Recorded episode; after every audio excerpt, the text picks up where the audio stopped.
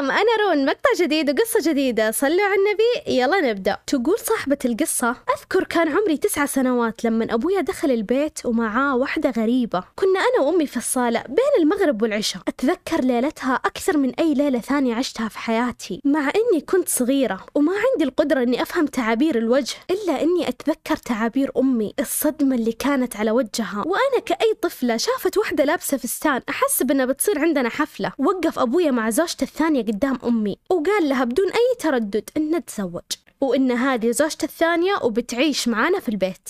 كان الخبر كبير وصادم. أتذكر دموع أمي اللي نزلت على خدها. ملامح أمي كانت مبنية على كمية القهر اللي كانت فيه في هذيك اللحظة لكن طلع صوتها الثابت وكأن شيئا لم يكن. وقالت مبروك. مسكت يدي وطلعنا لغرفتها. الغرفة كان فيها أختي اللي عمرها سنتين. جلست أمي على السرير وبكت وانفجرت دموعها. أتوقع بكت أقل شي ساعتين وأنا جلست أبكي معاها ما أعرف إيش السبب ولا أعرف ليش هي جالسة تبكي لكن بكيت لأنها جالسة تبكي. بكيت من صوتها من دموعها. وبعد فترة بدت تتكلم وكانت تشهق قالت لي إنها ما عندها مشكلة مع زواج أبويا. قالت لي إنها تبكي لأنه غدر فيها وما كلمها ولا علمها أبدا حطها قدام الأمر الواقع. كأنه يقول لها أنت مجبورة. وقتها عرفت إن أمي تبكي بسبب أبويا وما أخفيكم كرهت أبويا هذيك الليلة. كره ما يعلم فيه إلا الله. وهي تتكلم قالت إنها تركت كل شيء عشانه تركت كل حياتها وأحلامها ورغم إني كنت صغيرة إلا إني قررت إني ما راح أترك حاجة لي عشان شخص ثاني مهما كان. لأنه في النهاية راح يأذيني زي ما أبويا أذى أمي وخلاها تبكي بالطريقة هذه. نمت بهذيك الليلة مع أمي على سريرها ومعانا أختي وأنا أسمع صوت بكى أمي وأجلس أبكي معاها. بعد مرور سنة جابت زوجة أبويا ولد وعاشوا هي وولدها معانا بسلام. ما كانت زوجة أب سيئة ولا صعبة المعاملة.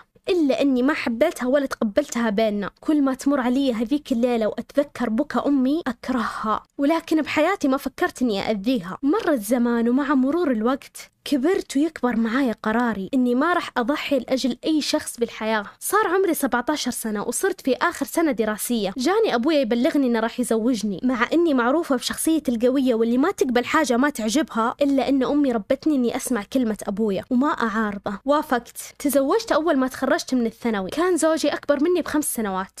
جبت معدل ممتاز ودخلت التخصص اللي كنت أحلم فيه. كان زوجي إنسان متفتح شوية. كان طيب معايا ما شفت منه شيء سيء بس كان لزوجي أم ما حد سلم من شرها. كانت إنسانة سيئة تحب السيطرة على الكل ولأنها تحب أولادها مثل ما تقول كلهم ساكنين عندها. كنا كلنا ساكنين في بيت واحد وكانت تحب تخرب بيوت أولادها. تعبي راسهم على زوجاتهم وتقول لهم تزوجوا عليهم وتدور علينا الزلة عشان تفتح موضوع الزواج. إلا وإلا تبغى تزوجهم. أذكر مرة كان عندي اختبار وجلست أذاكر له وقررت إني ما راح أسوي شيء إلين ما يخلص اختباري. كانت هذيك الفترة أمه تقنع دايما إني أنا كسولة وإني ما أعرف أشتغل في البيت وإني مهملة بيتي وزوجي وإنه لازم يتزوج الثانية. لكنه ما علق على كلامها وعدت على خير. تخرجت من الجامعة وكنت من صغري أحب إني أبني لنفسي بيت وأثث على كيفي. فأول ما توظفت قررت إني أشتري أرض وأبنيها ولأن زوجي عنده خير وأبويا عنده علاقات ما أخذ الموضوع مني وقت عشان أبني بيت أحلامي. أخذت قرض من زوجي وأثثت بيتي اللي أحلم فيه من صغري. مر على زواجي ست سنوات ولا حملت ولا مرة ولا كنت أبغى الحمل أصلا. بس بعد ما انتهيت من شغل البيت حملت وجبت ولد. وبعد بثلاث سنوات جبت بنتي. ومع أني بنيت بيتي إلا أننا بقينا في بيت أهل زوجي. اهتميت ببيتي وأولادي وزوجي وشغلي. رجعت فلوس زوجي له. في يوم كنت جالسة كذا أتأمل أولادي. أتذكر أمي وأسأل نفسي إيش بيكون رأيها فيني لو بقت معايا لهذه اللحظة؟ هي كانت سببي الأكبر إني أكون قوية وأواجه العالم بقوة وأحقق أحلامي وما أتنازل عنها لأي أحد. أحيانا أسأل نفسي لو أمي ما أخذتني معاها لغرفتها وبكت قدامي هل كنت راح آخذ هذه القرارات؟ سألت أمي مرة ليش ذاك اليوم أخذتيني معاكي للغرفة؟ رغم أننا ما كنا نقدر لا نساعدك ولا نواسيك حتى. قالت يمكن لأني كنت وقتها محتاجة بس وجودكم حواليا عشان أتذكر أنكم أنتم أهم شيء في حياتي وأصبر وأتحمل عشانكم وأكون قوية عشانكم هذا أكثر شيء واساني في هذيك الليلة. أحب أمي الإنسانة القوية قدام كل الظروف. إلى اليوم أحبها حب عظيم مع إنها مو معايا. في يوم كنت دوبي راجعة من دوامي دخلت البيت شفت أم زوجي تضحك وفرحانة. سألتها إيش اللي صاير؟ قالت إنها مبسوطة عشان ولدها بيتزوج. استغربت لأن آخر أولادها هو زوجي وهو متزوج. كيف ولدها بيتزوج؟ مين؟ شافتني مستغربة. وقفت قدامي وقالت لي إن زوجي هو اللي قرر يتزوج واحدة ثانية. انصدمت. كانت أكبر صدمة في حياتي. قلت لها بروح أسأل زوجي لأني توقعتها تمزح. وأنا رايحة الجناحي شريط حياتي مر قدامي. حسيت إني معصبة مرة. وحسيت بحزن. حسيت بكل شعور ممكن الواحد إنه يحسه. مع إني ما أخذ مني دقيقة عشان أوصل للجناحي. ما كنت شايفة قدامي ابدا. دخلت غرفتي ولقيت زوجي قاعد يتكلم بالجوال. لما شفته حسيت انه كنا موية باردة انكبت علي. جلست على السرير وهو قفل المكالمة. أول ما شافني جلس قريب مني. وأنا على طول سألته إذا كلام أمه صح ولا لا. قال إن الموضوع صح وإني أنا إنسانة مشغولة وما أهتم فيه ويبغى يتزوج يكمل النقص هذا. وإن الموضوع مو حرام والشرع حلل بدل الوحدة أربع. ولازم أتقبل. كان يقول هذا الكلام بكل برود. وكأنه عادي. فقلت له بهدوء. إذا كان يبغى زوجة ثانية فالموضوع مستحيل. وإنه ما عنده إلا زوجة واحدة. يا يختارني أو يختارها. قال الموضوع مو بكيفك. وتركني وخرج. ما عرفت إيش أسوي. اتصلت على أبويا. صح إن أبويا بنفس العقلية لكن قلت أكيد إنه بيوقف مع بنته على الأقل. كلمته وقلت له كل شيء. قال إنه بيكلم زوجي. بعد فترة رجع اتصل علي. قال تعالي عندي نتكلم. أخذت بنتي وولدي ورحت بيت أبويا وجلست معه وسألته إيش قال؟ قال اسمع يا بنتي الزواج نصيب. إذا زوجك تزوج واحدة ثانية هذا مو معناته أنك تتركي بيتك وزوجك وعيالك. خليه يتزوج ألف وحدة في الأخير أنت الأولى. الأولى بكل شيء عنده. وأنا أسمع كلام أبوي تذكرت أمي. جلست أسأل نفسي إيش كانت راح تقول لي في هذا الموقف؟ لما أبويا خلص كلامه قلت له أني أنا بجلس هنا اليوم وبرجع بيتي بكرة. ما كان فيني حل أرد على كلامه كلامه أرهقني أكثر. أحب أبويا وأحترمه وأعزه لأن أمي ربتني مهما سوى لازم أبقى أحبه وما أكسر كلامه مهما صار ولا أحسس بيوم إن أمي ربتنا غلط. عشان كذا قررت إني ما أتكلم معاه في أي موضوع يخص هذا لا عشان كذا قررت إني ما أتكلم معاه في أي شيء يخص هذا الموضوع. وأنا بتصرف بنفسي. اليوم الثاني رجعت البيت بعد ما انتهيت من دوامي. كان في اثنين من زوجات أخوان زوجي اللي لسه ساكنين في نفس البيت معانا. طلبتهم يساعدوني في إني أجمع أغراضي كلها المهمة واللي مو مهمة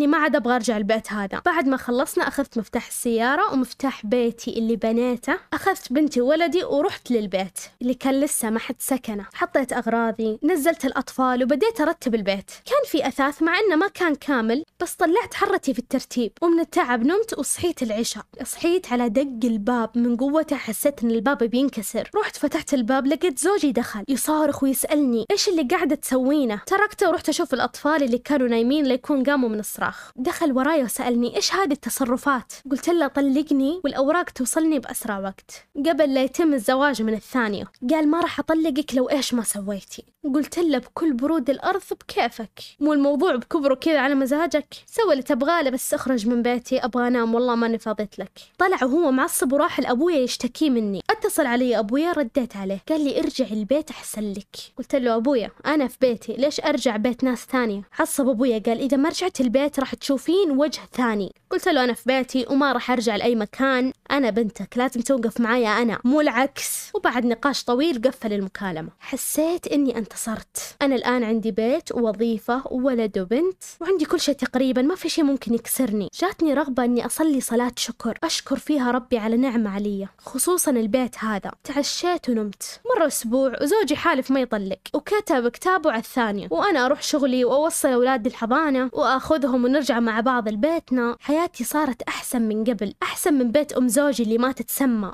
في ليلة جاني زوجي البيت وجلس يسألني إيش الشيء اللي ممكن يخليني أرضى وأرجع؟ له قلت له بمزح تفسخ العقد اللي كتبته على الثانية. فكر شوية وقال تمام. جلست أضحك بسخرية قلت له أنت صدقت؟ حتى لو طلقتها ما راح أرجع لك. وإذا ما تبغى تطلقني فما أبغى الطلاق.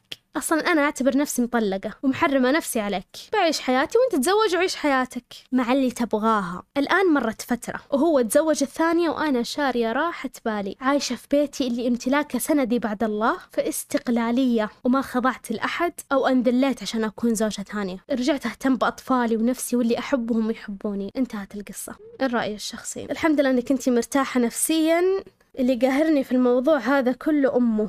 يعني ما أدري إيش استفادت الحين. ولا شيء ولا شيء. أبغى أترك لكم التعليق تحت في الكومنتات. أبغى أشوف آرائكم. وبس لهنا وصلنا نهاية فيديو اليوم. إذا عجبكم المقطع لا تنسون تضغطون على زر لايك وتشتركون في القناة.